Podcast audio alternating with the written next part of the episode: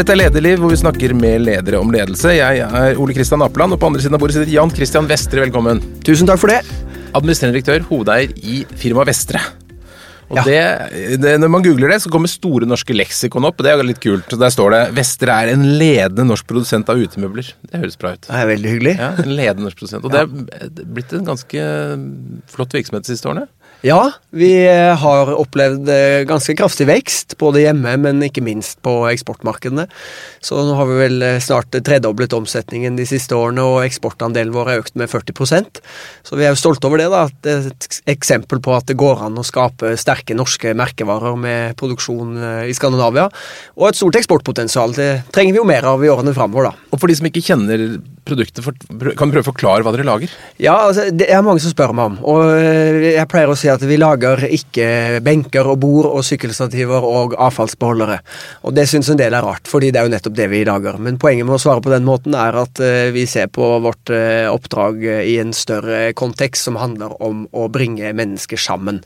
Og vi vet at i løpet av noen få år nå så vil øh, 75 av verdens befolkning bo i byer.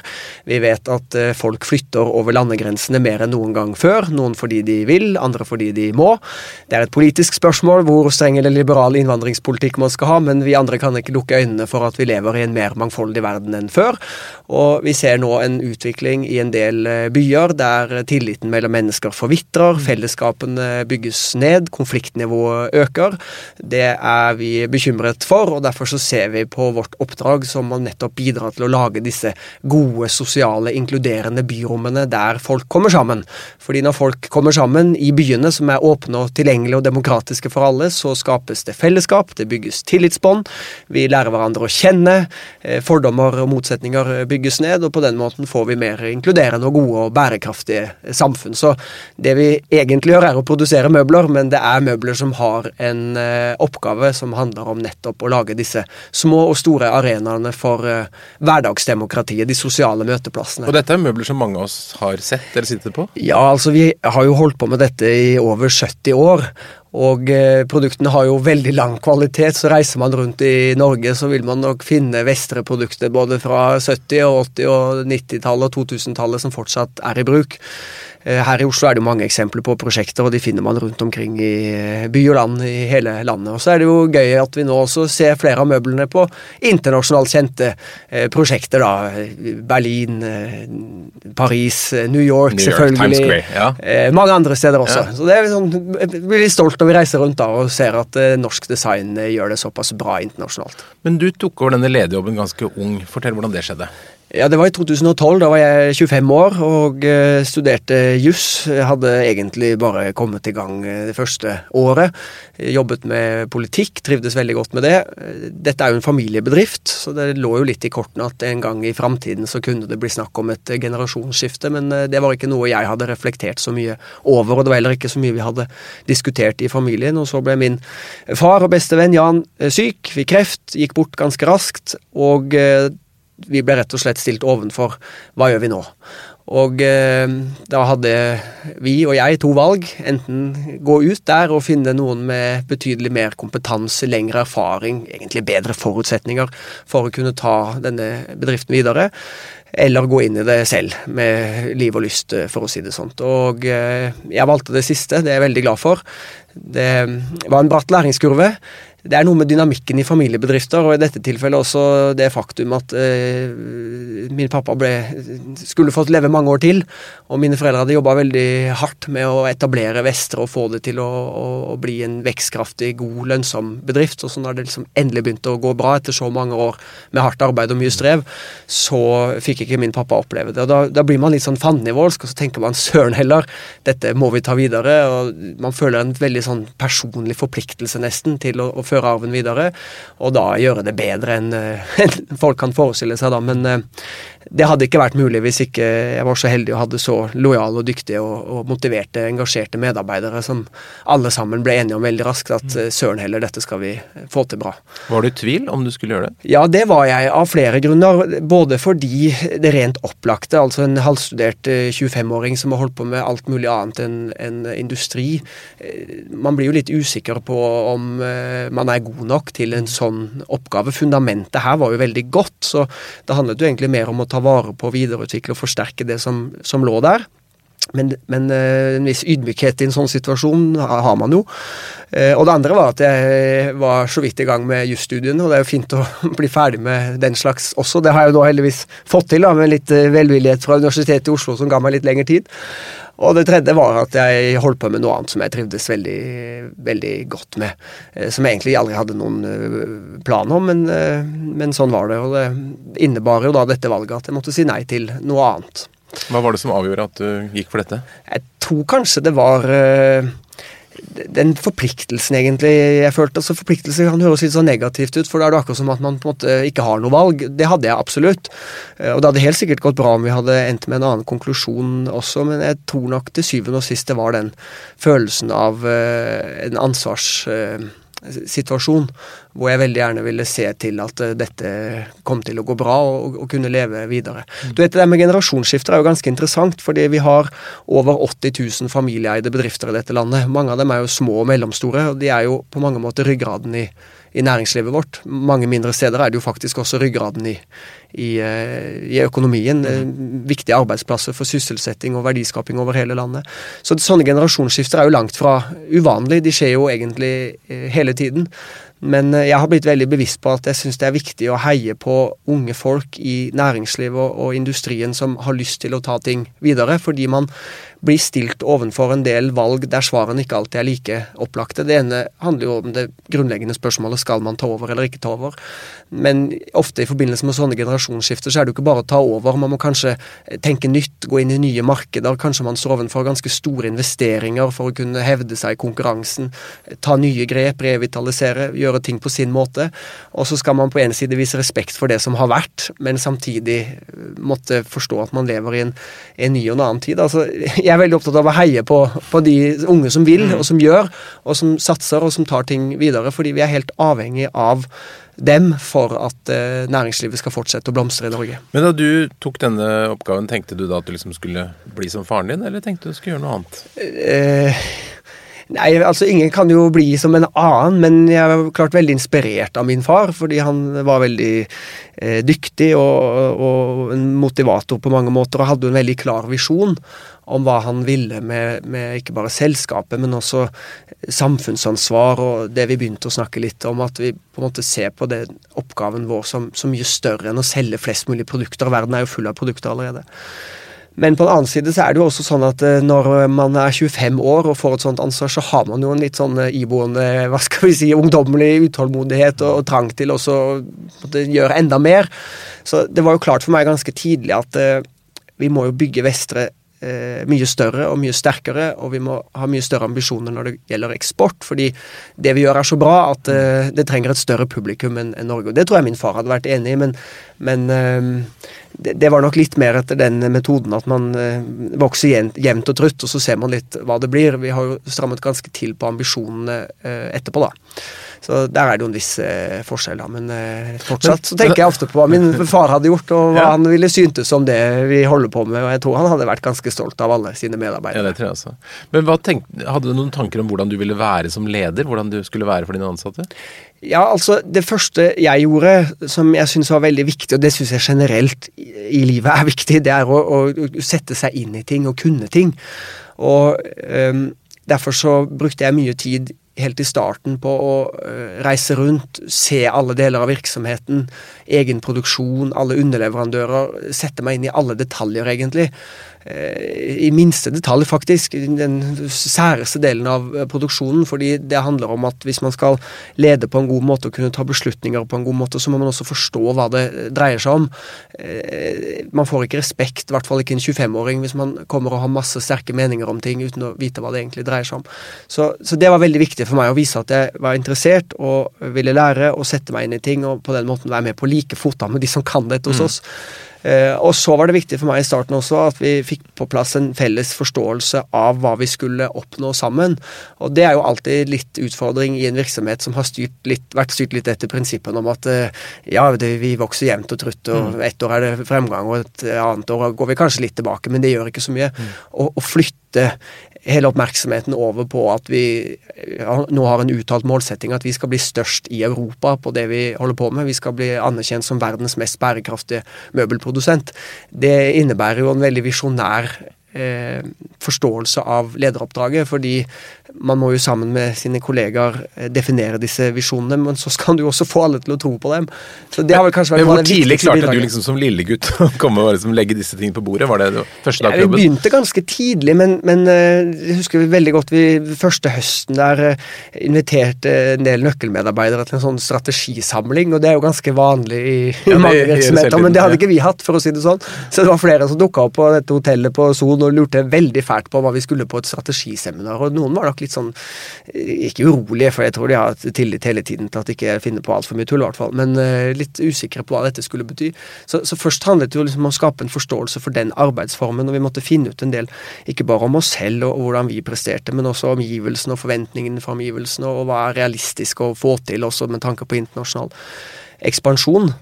Ehm, så det var jo en gradvis prosess, men jeg opplevde en veldig sånn sterk eh, tilhørighet og, samhold hos alle. At, det er veldig engasjement på at dette skal vi få til. Så jeg ser ikke på meg selv som noen spesielt god leder. altså det, det mener jeg virkelig. Jeg har helt sikkert uh, mange ting jeg kan bli bedre på, men en av de tingene jeg tror jeg har fått det ganske greit da, sammen med mine kolleger, er jo det å, å, å holde visjonen klar og, og ambisjonene høye og få folk med på å tro på dem. Um, og I starten var det jo litt sånn ja ja, nå kommer han unge her vestre og har masse planer, og vi får nå se hvordan det går. Men nå har vi jo levert disse resultatene år etter år etter år, og det går jo veldig bra. Så da er det ikke så mange som uh, stiller spørsmål ved det lenger, og det er jo bra, da. Så visjonen er et viktig arbeidsverktøy for deg? Ja, det er det. Å ha en klar uh, målsetting om hvor vi skal, og hvordan vi skal uh, komme oss dit, men ikke bare uh, har en plan. Altså Gjennomføringsevne er jo egentlig det viktigste, fordi at det er mange eksempler på flotte visjoner og vyer og planer og uh, ideer, men hvis uh, det ikke følges opp i handling og i, i, i praksis, at man gjør det man sier man har sagt man skal gjøre sammen, så er det jo veldig vanskelig å få folk til å tro på den visjonen. da. Så jeg vil si visjon i kombinasjon med at man faktisk gjennomfører det, og, og slipper alle kreftene løs, rett og slett. Det finnes så mye kreativitet i enhver virksomhet, og den må på en måte slippes løs. og Hvis man klarer da å kanalisere all den energien og kraften mot en felles retning, så er det utrolige ting man kan uh, få til. altså. Hvordan gjør du det i praksis? Det er flere ting. da. Altså, for det første var det jo viktig at når vi satt målene f.eks. å si at vi skal bli Europas største bymøbelprodusent, så eh, måtte vi jo vite hva det betyr i tall. Vi måtte ha fakta for å underbygge hvor store markedsandeler mm. vi trenger i de ulike landene for å komme dit. Så alt det rasjonelle må jo være på plass, sånn at folk ikke bare kan tro på det med hjertet, men også hodet sier mm. at ja, dette makes sense, eh, på en måte. Så det er jo én ting for å, for å, forankre at målet i det hele tatt er eh, oppnåelig. Og så er det jo selvfølgelig at alle er involvert i alt det vi må gjøre for å, å komme dit. Og vi er jo ikke en veldig stor virksomhet, men det er jo en, en relativt uh, kompleks virksomhet, fordi vi jobber med uh, mange formgivere, designere, produktutviklere. Vi har all vår produksjon i Skandinavia fordelt i Norge og Sverige, og delvis i Danmark. Mange underleverandører. Ekstreme kvalitetskrav, ekstreme krav til levetid, uh, miljøvennlig produksjon, energiforbruk, alt dette her. Um, og absolutt alle stegene i denne verdikjeden må jo bidra for å kunne få det til, og da må vi jo sørge for at når vi bryter dette ned da, på hvert område, at alle er med på å definere hva som skal til for å, å, komme dit. Men Betyr det at du har masse møter, eller hvordan gjør du det? Ja, vi har eh, ikke fryktelig mange møter, men noen er det, noen er det nok. Og så tror jeg kanskje altså, Hovedgrepene vi har tatt, det er jo ikke fryktelig unikt, for å si det sånn, men det er tillit, altså. Tillit til folk som kan og som vil og som har lyst. Og det er lov å prøve, og det er lov å feile, og det er lov å prøve og feile igjen, og så får man det til i hvert fall eh, tredje gangen. Så eh, jeg har jo gitt lederoppgaver, ganske store lederoppgaver, til veldig unge folk. altså Kommer rett fra, eh, fra videregående, nærmest, i enkelte tilfeller, i hvert fall i, i produksjon, da, de som har gått yrkesfaglige utdanningsprogrammer. Og og, de er sultne, og de er kreative, og de kommer og stiller spørsmål. 'Hvorfor gjør vi sånn? Hvorfor gjør vi sånn? Hvorfor gjør vi sånn? Kan vi ikke heller gjøre sånn?' Jo, fine, sett i gang. Vi tar ansvar for det sammen. Og det skaper en kultur der folk har lyst til å vise hva de kan, og de tør å innovere og, og gjøre feil. Og Det er en, egentlig et uttrykk for den samfunnsmodellen vi har, men det er utrolig viktig når arbeidslivet blir mer internasjonalisert også, at vi tar vare på den der litt sånn hva skal vi si, fandenivoldske tenke utenfor boksen-holdningen som vi er eh, oppfostra med i Skandinavia. For oss som ikke kjenner utemøbelbransjen, hvor stort er dette skrittet fra der dere var til å bli Europas største? Altså hvor... Ja, altså vi, da, vi, da, vi, definerte den eh, visjonen, så var det snakk om å fem-seks, kanskje sjudoble omsetningen. Nå er vi snart halvveis på veien dit etter fem år.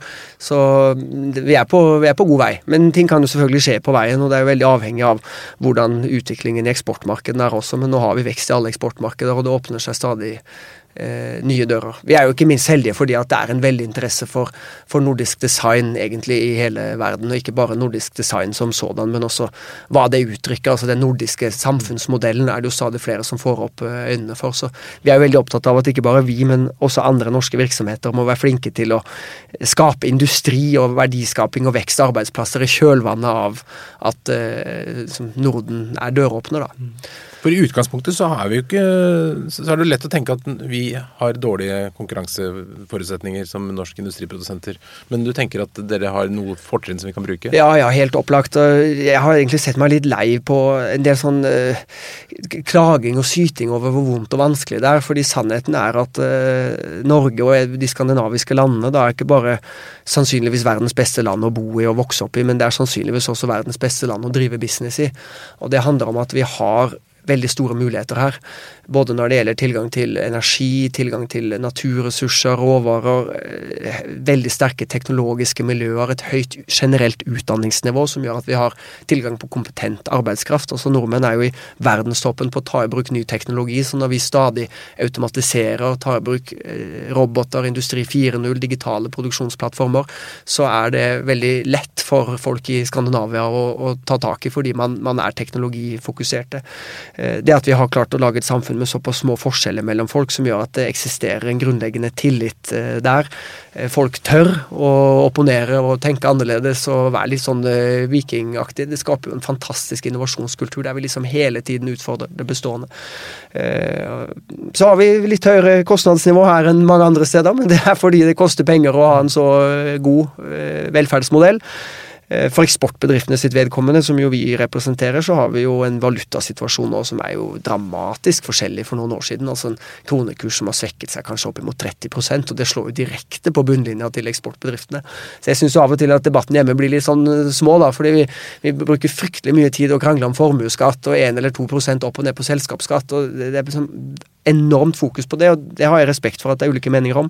Men kom an, da, la oss se på alle mulighetene vi faktisk har. Og med, med 30 svakere valuta, så er det jo fantastisk døråpne for norske eksportbedrifter som kan konkurrere på en helt annen måte. Mm. Så, så, folk må våkne opp, og så må vi se mulighetene, rett og slett, og ikke fokusere så mye på utfordringene. Men bærekraft er en av de mulighetene du ser, da? Ja, det er det. Og bærekraft i eh, bred forstand, egentlig, er jo fortrinn som norsk næringsliv og norsk industri har. Hvordan det? Ja, produksjonsmessig av det enkle faktum at uh, noen smartinger før oss fant ut at man kunne temme fossene og bruke energien til uh, industriproduksjon 100 mm. rent. og Det tror jeg vi undervurderer litt i Norge. fordi vi er jo, tar det så for gitt at nesten praktisk talt 100% av energien vår er jo fornybar. Men Europa så har altså uh, under halvparten av energimiksen fornybar. I Kina 10-20% Så det å produsere ting her vil jo ha en vesentlig lavere miljøpåvirkning enn produsere i Europa eller i hvert fall i Kina, fordi at fornybarandelen er så mye høyere. Så Der har vi jo helt sånne naturlige men, men er dette noe som kundene er villige til å betale ekstra for? Ja, det er det, men vi må være flinke til å forklare det og vise med konkrete eksempler hva det faktisk eh, betyr. Og, og, det litt tilbake til det at vi, vi tar litt for mange ting for gitt her, og vi, vi, snakker ikke med høy nok stemme, mye av norsk næringsliv. fordi vi, vi, vil ikke skryte for mye av oss selv. Men oppfordringen er at norske bedrifter må skryte mye mer av oss selv, hva vi får til. Og vi må ikke dra ut i verden og nærmest beklage oss fordi vi kommer fra Norge og har høyt kostnadsnivå. Vi må si at vi kan, kan eh, revolusjonere verden med våre produkter og, og, tjenester. Med energien vår, med råvaretilgangen. altså Hydro på Karmøy, verdens reneste aluminiumsproduksjon, det er helt fantastisk. Vi har tilgang til så mye bioråvarer som helst. Vi har, vi Har fisken i, i havene. Kunne hatt mye større eksport hvis mer av dette kunne skjedd hjemme. Eh, vi kan bygge utrolige industrieventyr på skuldrene av olje- og gassnæringen. Så vi kan så utrolig mye i dette landet, men da må vi også fortelle verden hvordan vi kan vi kan eh, bidra. Og Så er det jo handler som om sosialt ansvar, og, og, og, der har jo på en måte vi i Skandinavia litt sånn demokratisk ryggmargsrefleks. Eh, skape og dele er jo liksom noe som veldig mange i Norge kan, kan, kan slutte seg til. Og, og, da tror jeg også at eh, flere norske bedrifter kan ha mer langsiktige mål med eierskapet sitt, og, og være litt mer opptatt av også samfunnsansvar og, og hvordan vi fremstår, og hvordan vi tar ansvar for omgivelsene våre. Jeg er jo veldig stolt over at Vestre f.eks. har en helt klar policy. 10% av overskuddet hvert eneste år eh, gir vi bort for å finansiere bærekraftsprosjekter over, over, hele verden. Og vi jobber veldig hardt med FNs bærekraftsmål, har jo ambisjon om å bli kjent som verdens mest bærekraftige møbelprodusent, og bidrar ikke bare med de tiltakene og prosjektene vi gjennomfører selv, eh, som er en lang, lang, lang rekke, men også i dette globale spleiselaget, fordi det vil koste mye penger å utrydde all fattigdom og bekjempe klimaendringen og, og stanse forskjellene innen 2030. Hva gir dere pengene til? Det er uh, veldig forskjellige prosjekter. Alt fra arbeidsinkludering. Vi jobber sammen med Unicef uh, for å finansiere skolemuligheter for 3500 barn. Jobber sammen med Leger uten grenser for å redusere globale helseforskjeller. Jobber med et prosjekt nå i Kenya for å få i gang jordbruk, lokal verdiskaping. Jobber på, i Midtøsten med et prosjekt for å overføre kunnskap om møbeldesign og industriell produksjon for å kunne bygge opp sånne type utdanningslinjer og småskalabedrifter der. Eh, mange andre prosjekter også. Og eh, Dette handler jo litt om at ingen kan gjøre alt, men, men alle kan gjøre noe. Og vi må få flere til å forstå at hvis flere bidrar, så blir også eh, impacten vår mye større. Hvis alle norske bedrifter hadde gjort som Vestre og gitt bort 10% av overskuddet vårt til de som trenger det mest, og da beholdt 90% til oss selv for å reinvestere og bygge nye arbeidsplasser, så ville altså norsk næringsliv alene matchet hele bistandsbudsjettet to ganger. Og Det viser noe om kraften norsk næringsliv kan eh, stille opp med hvis vi bare vil. Og dette handler om vilje, rett og slett. Mm. Da du kom inn som leder, så hadde du aldri vel jobbet i noen bedrift før. Eh, hvem hadde du som forbilder, eller hadde du noen forbilder som leder? Fra ja, altså, politikken altså, kanskje, eller fra andre ting? Ja, min far og mor, som jo hadde jobbet hardt i mange år, var, var og er uh, fortsatt forbilder. Så er jeg litt sånn der nostalgisk av meg. Så sånn Sam Eide og sånt mm. blir jeg veldig fascinert av. Fordi det er noe med den kombinasjonen av en sånn voldsom visjonskraft. Alt er mulig-tankegang, og en veldig sterk gjennomføringsevne. Altså, bare tenk deg Det som la grunnlaget for Norsk Hydro, var jo kraftutbyggingen. Og kraftanlegget på Vemork kostet ett og et halvt statsbudsjett. Hadde vært nærmest utenkelig i dag, selv om vi er verdens rikeste land og flommer over penger. Men Sameide klarte det altså gjennom å samarbeide med svenske Wallenberg-familien og liksom skape denne forståelsen for industrivekst. Da. Det syns jeg er helt, eh, helt utrolig. Og så er jeg også veldig fascinert, siden jeg har en delvis politisk bakgrunn, er jo fortsatt politisk engasjert, så er jeg veldig fascinert over Jens Evensen.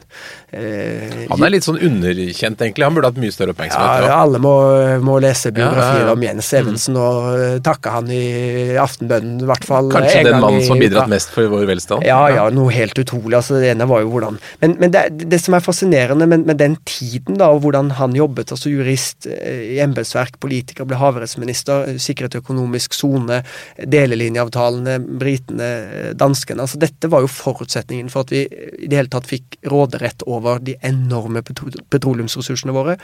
Men ikke minst også det hvordan man på en måte gjennom et veldig nært samarbeid mellom politiske myndigheter og privat næringsliv skapte en bransje egentlig ut fra ingenting eh, gjennom eh, oljebudene, gjennom å bygge opp en oljeforvaltning, gjennom hvordan man eh, tildelte blokker i Nordsjøen, samarbeidet med de beste industrielle miljøene i USA. Så man, man skapte jo en ganske, eh, på kort tid, en, en, fantastisk næring som er jo vår hovedinntektskilde fortsatt. Jeg savner litt mer av den både visjonskraften, gjennomføringsevnen, men, men også eh, tilretteleggeren som en sånn industribygger, da, som, som både han og Sam Eide og mange av disse andre har, har stått for. Altså, Eide skulle jo opprinnelig lage en elektrisk kanal kanon, vel, før han, før han, før han endte med, med noe med kunstgjødsel og andre ting. Det er litt sånn Vesterålen, dere har også vært, eller din bestefar, farfar, var vel borti mye, oh, lagde ja, mye rart? Ja, ja, ja. Du vet, da de etablerte seg i et mekanisk verksted i Haugesund etter krigen, det holdt på å si et verksted, det var jo en tyskerbrakke som uten tak, med jordgulv. Men sånn var det den gangen. Nå skulle landet bygges opp igjen, så da var det egentlig å ta i bruk alle kreftene man kunne ta i bruk. Men du vet, de holdt på med de fant mest utrolige ting. altså Sveisa sammen mekaniske produkter. Hadde en sånn sagklemme som kunne feste sagbladet til og, og file dem. Og de lagde en kuklemme som holdt bakbeina til kyrne sammen når du skulle melke dem. Og de lagde treningsapparater, og de lagde lekestativer, og de lagde en eh, helautomatisk fiskekakestekingsmaskin som kunne lage 3500 fiskekaker i timen. Det var helt utrolig den gangen. Og selvfølgelig disse parkmøblene, da. Eh, Under mottoet 'Alt er mulig for Vår Herre og en mekaniker'. Ja. Så ikke nei til et eneste oppdrag. Og det er jo litt interessant, for du hadde da bestefargenerasjonen som prøvde seg på alt, men som da rettet seg mer inn mot utemøbler utemøbel etter hvert. Så hadde du en far som hadde en, en stor vekst, men også en nedtur underveis der. Ja, vi hadde jo en krasjlanding i, i 1988.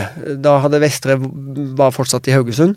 Hadde vokst eh, veldig raskt på ganske kort tid. Spredt seg utover veldig mange virksomhetsområder. altså Utemøblene var en del. De var markedsledende på eh, lekestativer som ble brukt rundt omkring i parker i, i hele Norden. Eh, de hadde en stor offshoreavdeling, industrilakkeringsavdeling, næringsmiddelavdeling som lagde disse fiskekakemaskinene. og Det så veldig lovende ut, og de vokste veldig raskt. Eh, Dette var på vei inn i bankkrise. Veksten var stor. Alt overskudd ble reinvestert i ny produktutvikling, ny markedsekspansjon, så det holdt dessverre ikke av for lite for en, en uværsdag, for å si det sånn. Og eh, høsten, sommeren eh, dette året så mm, gikk egentlig mye galt samtidig. Så eh, Vestre da gikk faktisk eh, konkurs med en relativt lav underdekning. I dag er det jo nesten utrolig, men dette var akkurat samtidig som bankene strammet til fordi vi var på vei inn i en bankkrise. Og, og det har vi lært mye av, fordi selv når ting går bra, og man har fulle ordrebøker og en sterk markedvare og på vei full fart ut i verden. Hvis ikke du har penger på bok for å kunne stå av både én og to høststormer, så kan, kan eh, For faren din, han du klarte å få dette etablert igjen og, og bygde det videre? Ja, altså den uh, møbeldivisjonen ble jo startet uh, opp igjen, da. Med eh, designere og, og, og sånne ting. Og da bestemte man jo at dette skal vi rendyrke og bli ledende på, da. Men det var jo ganske tøffe år i starten. Familien flyttet til Oslo, jeg var halvannet år, min søster var ja vel 15, skulle gå siste år på ungdomsskolen i Oslo med helt, helt nye venner. Og, og det, det, det, var, eh, det var relativt sparsommelig og, og enkelt, og tok mange år før uh, virksomheten begynte å gå virkelig godt. Og, men sånn er det jo, da. Det er hardt arbeid. Det er ikke noe som, som, som kommer av seg selv. Altså, og det å tro at det, bare man har flaks og bare man treffer akkurat her og der, det er ikke mange eksempler på det. De fleste selskaper som bygges opp, er dønn hardt arbeid. Masse slit og masse gøy og masse entreprenørskap og masse energi. Og så går det for mange da heldigvis bra etter hvert. Men vi skal ikke undervurdere betydningen av hardt arbeid i den sammenhengen der. Og det er også sånn budskap jeg syns er litt viktig overfor for unge folk og ambisiøse folk og, og, og, som har veldig store planer for hva de skal få til. Det er ingenting som er, er bedre enn det, men, men det, det er hardt arbeid alene og i samarbeid med andre som skaper resultatene.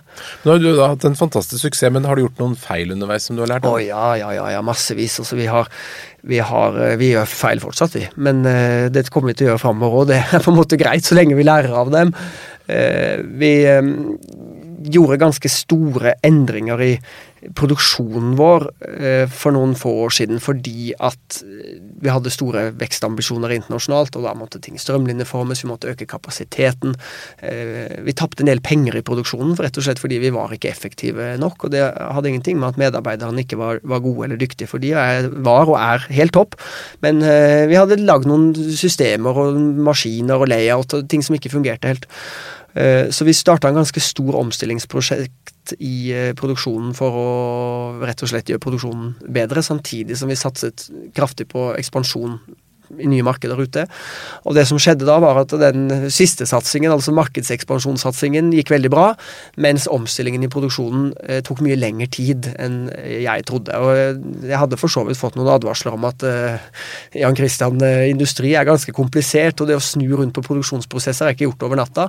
Men da var jeg liksom så klar på at dette må vi få til, og vi har dårlig tid, vi skal gjøre det raskt, og undervurderte kanskje kompleksiteten i det. Og da fikk vi store problemer, rett og slett. Fordi vi vokste så mye, eh, mer enn vi klarte klarte å produsere. Så jeg hadde sinna kunder som ringte, og det skjønner jeg kjempegodt, med lang leveringstid, og vi gjorde feil og mye tull. De har heldigvis tilgitt oss for det, da.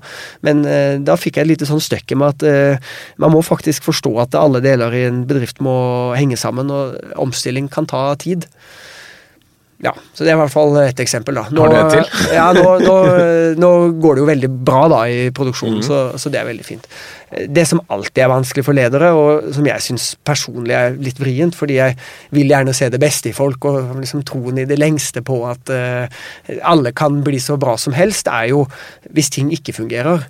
Hvor lenge skal man la ting gå hvis det ikke fungerer, i troen på at det kan bli bedre, uh, versus å komme til den konklusjonen sammen med den det gjelder, at uh, dette kommer vi kanskje ikke til å få til sammen. Vestre har nå endret seg såpass mye.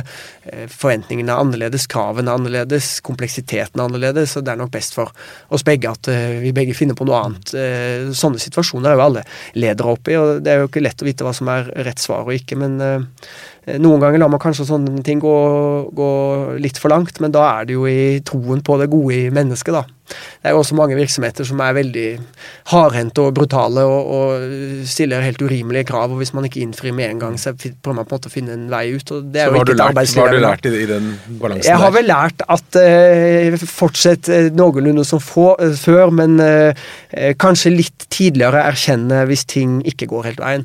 Nå må jeg bare si at dette er ikke noe problem hos oss. Det er ekstremt sjeldent problematikken oppstår, men jeg har reflektert en del over det fordi ettersom vi nå vokser, bare i år har vi jo etablert avdelingskontorer i New York, i Berlin, vi begynner å bli store i, i Sverige, det er, det er, flere virksomheter inkludert i, i, konsernet, så vil jo disse utfordringene kanskje melde seg enda mer i, i tiden framover. Så det har jeg reflektert en del over, og der finnes det nok ledere som er bedre enn meg, rett og slett. Men eh, alle kan ikke ha alt, så jeg får holde visjonen og fanen og flagget høyt og prøve å engasjere og motivere og få liksom entusiasme for å komme dit vi skal. også for kanskje få litt hjelp. Ja, hvordan, så hvordan, hvordan, sprer du entusiasmen rundt i selskapet? Nei, altså, det er jo litt hjernevasking, da. Mm. Det er, det, det, for å si det sånn, Når vi ansetter nye, så det jeg ser mest etter, er på en måte bor det noe der som vi kan skape litt sånn halleluja ut av. Ikke religiøst, altså, de må gjerne være religiøse, men, men på en måte sånn, er det noe der? Det er mye viktigere for meg enn utdanning og hvilken skole de har gått på, hvor lenge de har studert og hva de har gjort før og sånn, fordi folk kan lære seg de mest fantastiske ting hvis de bare har lyst. Men uh, det må bo et, et gen for eh, engasjement eh, der. Og så blir jo eh, nye medarbeidere og eksisterende medarbeidere hos oss utsatt for ganske hva skal vi si voldsom påvirkning i, i den forstand at de, de, må liksom tåle noen timer, nærmest sånne taler om de mest detaljerte deler i produksjonen vår. Altså. Og jeg tror ikke det er en medarbeider oss som ikke har turt å lese hele bærekraftsprogrammet til FN, fordi man kan bli spurt om dette i lunsjen og sånn. Så Eh, men det, jeg tror folk syns det er greit, da, men, men, rett og slett kunne ting. Og, og, og være engasjert i ting. Og være litt sånn ja, det, det, er flere som har sagt at uh, vi høres litt naive ut fordi at uh, vi går liksom motstrøms på en del ting. Vi sier f.eks. at det er superbra rammevilkår for å drive industri hjemme. Det er det jo ikke alle som mm. sier. Uh, vi sier vi skal redde verden litt, vi, gjennom produksjonen og produktene våre. jeg har jo fått slengt etter meg noen ganger at han der unge Vestre høres ut som en sånt der mini-FN. Det var da voldsomt hva han skal få til med det møbelfirmaet sitt. Men pokker heller, da blir jeg stolt. fordi mm. hvis ikke folk går rundt og tror at de kan ha større betydning enn det de kanskje har, så skjer det jo, skjer det jo ingen, ingen verdens ting ting. Og, og, at vi har så utrolig sterk tro på at vi gjennom produktene og løsningene våre faktisk ikke bare møblerer verden, men vi skaper faktisk sosiale møteplasser i verden, som er utrolig viktig i dag. Den, den visjonen deler alle hos oss, og de ser jo med egne øyne rundt omkring i verden de prosjektene vi gjør, at det har faktisk betydning at vi har vært med på prosjektene, både på kort sikt og på lang sikt. Så jeg tror det er summen av det som gjør at Men Du har da åpenbart lest eh, og kan bærekraftsmålene godt. Ligger det mye forretningsmuligheter i bærekraftsmålene? Ja, det gjør det. Og det bør det gjøre, og det skal det gjøre. Og jeg tror at de selskapene som har en forståelse av at bærekraft er noe som går over, de kommer til å møte seg hardt i døra før mm. eller senere. Det vil ikke være en fremtid eh, for dem. Men så er jeg også veldig opptatt av at vi må gjøre dette til noe som er positivt, og noe som man kan skape engasjement og entusiasme og stolthet omkring. Fordi det det egentlig handler om, hvis man legger bort alle disse eh, voldsomme, flotte ordene og eh, fine logoer og flotte rapporter alt sammen, som kan jo være litt sånn utilgjengelig for folk flest, så handler det faktisk om noe så enkelt som at vi skal gjøre mer av det som skaper gode ting, og mindre av det som skaper mindre gode ting. Og Det klarer folk å forstå. Og vi kan ikke gjøre alt på en gang, vi må gjøre litt av gangen. Og noen kan gjøre mye på kort tid, andre kan gjøre lite på kort tid. Men det viktigste er at alle bidrar. Og så må vi bryte det ned til noe som er konkret. Ikke sånne wishy-washy slagord som egentlig ikke betyr noe som helst, men eh, helt konkret. Hva kan vi gjøre for eh, energipåvirkning, ressursbruk, skru litt til så vi øker levetiden her og der, eh, forenkle ting. Eh, alle disse sakene som, som, er konkret, som gjør at en ser resultatene av det. Så um, er det lettere for folk å relatere seg eh, til det også. Så ja, det er forretningsmuligheter. Ikke bare i form av at vi kan øke markedsandelen og konkurransekraften vår fordi verden etterspør mer bærekraftige løsninger, og det er vi ganske gode på her oppe, men også i den forstand at vi kan tiltrekke oss de beste hodene og de beste hendene. Unge folk i dag, hvis du spør dem, så sier de at de vil jobbe i virksomheter som skal redde verden. Og da må vi ha flere virksomheter som har et uttalt mål om å redde verden, altså mer langsiktighet framfor kortsiktig eh, profittjag. Eh, det sagt, alle selskaper må tjene penger. Vi skal ha trygge arbeidsplasser, vi skal investere, vi skal betale vår skatt, helst med glede, sånn som vi gjør. Men eh, kortsiktig profitt kan ikke være det eneste vi styrer virksomhetene eh, etter, fordi det gjør dessverre at man blir tvunget til å ta noen snarveier som ikke er til, til det beste for, for miljøet i mm. verden. Er det noen store virksomheter eller andre virksomheter som inspirerer deg, som du liksom strekker deg etter, og som hjelper deg å se hvordan dere skal utvikle Vestre? Ja, nå har jeg jo nevnt Sam Eide, da. så Norsk Hydro er et sånt eksempel, fordi at eh, Norsk Hydro har eh, en veldig ekspansjon. De er over hele verden. 35 000 ansatte. Har klart å beholde veldig mye av sin produksjon og industrielle virksomhet i Norge og andre høykostland. Jobber øh, veldig målrettet med bærekraftspørsmål. Bruker energi, bruker naturressurser, investerer stort i ny teknologi. Jeg husker jeg var på Hydro sitt aluminiumsverk eh, da jeg var aktiv i AUF for eh, ja, ti-tolv år siden, på Karmøy. Det var jo ikke en sånn fryktelig fremtidsrettet virksomhet. Dere får meg unnskyldt, Hydro-folk som måtte høre på. Men det var liksom røyk, og det var støv, og det var støy, og du, du følte liksom dette er sånn gammeldags mm. industri. Nå har de investert noen milliarder kroner med hjelp av også statlige midler i et anlegg som skal verifisere verdens reneste aluminiumsproduksjon. og Når man kommer inn der, altså det, det, er helt utrolig. Det, det, ser ut som et laboratorium. Det er hvite gulv. Ellen Musk ville vært veldig stolt over de hvite gulvene. Det er ikke en røyksky. Det er nesten ikke CO2-utslipp sammenlignet med konvensjonell aluminiumsproduksjon. Mye bedre arbeidsmiljø. altså Det er et utstillingsvindu for potensialet som ligger i en høyteknologisk, miljøvennlig norsk industri. Og det trenger vi mye mer av i årene framover. Så Hydro de de fascinerer meg. Og så er jeg fascinert over, eh, fra USA sin del, men dette er jo sånn som alle har et forhold til, men, men Ellen Musk, selv om han er litt halvgæren, tror jeg, så er jeg utrolig fascinert. Fordi det han har gjort, er er hvert misjonær. Ja. Ja, voldsomt misjonær, men også med gjennomføringskraft, og får det til, altså. Å møte motgang. Og jeg vet ikke hvor mange ganger eh, hans selskaper har holdt på hvert minutter fra å knekke ryggen, men de får det til. Og går inn i nye bransjer og revolusjonerer dem. Altså, tenk deg en Tesla i dag. De har eh, fortsatt ti år etter at de lanserte modell S, har de lengst rekkevidde, best teknologi, lavest energiforbruk, kommet lengst på selvkjørende egenskaper. og liksom, Hvor er de store tyske, amerikanske, japanske bilprodusentene som fortsatt henger etter? Så jeg leste en biografi av ham og ble så utrolig inspirert inspirerte oss over SpaceX-programmet. fordi eh, han hadde jo for seg fra han var liten av at uh, skulle erobre verdensrommet og komme seg til månen og alt mulig. Og hadde jo ingen forutsetninger for, for romfart, men går inn i, i, bransjen, revolusjonerer den fullstendig, lager ny teknologi som gjør at vi nå kan sende raketter ut i rommet og trygt lande dem igjen, til halvparten av prisen av de store aktørene som Boeing og Lockheed Martin. Og hvordan klarte han det? Jo, gå helt mot det mange har gjort i industrien, gjennom å ta kontroll på produksjonen selv bygge altså en rakettmotorfabrikk midt i Los Angeles, fordi han fant ut at hvis vi skal være konkurransedyktige, så må vi gjøre det selv. Hvis vi skal ha rett kvalitet, må vi gjøre det selv. Hvis vi skal ha korte nok ledetider, må vi gjøre det selv. Så han har på mange måter gått bort, fra mye av det som har vært trenden i industri i mange år nå, at man outsourcer og, og flagger ut og skal la andre gjøre delproduksjon, til å ta kontroll over det selv midt i, i metropol som Los Angeles. Så det, det syns jeg er fantastisk eh, eh, imponerende. Men sånne folk må vi støtte, da. og Norske myndigheter er jo ganske flinke til å støtte Elon Musk, egentlig, fordi vi, vi bruker jo milliarder av kroner på elbilsubsidier i året, så jeg skjønner godt at han er norgesvenn som mener at vi burde brukt minst like mye elbilmilliardsubsidier på å få i gang vår egen fornybarnæring, da, men vi får håpe det skjer etter hvert. Hvis du møter en ung person som eh, er inspirert av deg og har lyst til å bli en god leder som deg, hva er de tre beste lederrådene vi altså, jeg må bare igjen si, og dette mener jeg virkelig fra mitt innerste indre, at det, det, jeg er ikke sikker på om jeg har så fryktelig mye å lære bort på, på ledelse. Eh, det er nok andre som er betydelig bedre på den slags enn det jeg er. Men eh, ha en Skap en visjon, og formidle den med troverdighet og engasjement og lidenskap hvis ikke folk vet hvor vi skal reise, så er det nesten umulig å legge ut på blåtur. Altså. Eller for å si det sånn, det blir jo en blåtur, for ingen vet hvor vi skal. Så det var, ja. Mm. Eh, punkt to, slipp til alle gode krefter. Eh, gi tillit. Skap tillit, skap rom for å gjøre feil, deleger oppgaver. Slipp løs kreativiteten, rett og slett. Det er for mange virksomheter som blir for rigid styrt og for linjestyrt, og det blir for topptungt, og man vokser og man bygger opp store byråkratier rundt dette. og det, det, det, kveler litt sånn skapertrang, fordi folk går på jobb fordi de har lyst til å, å, å, å, skape resultater og få til noen ting. De har lyst til å bli sett, de har lyst til å si at det der, der var en idé jeg hadde, og nå har vi realisert den sammen. altså Alle har jo lyst til å bety bety noen ting.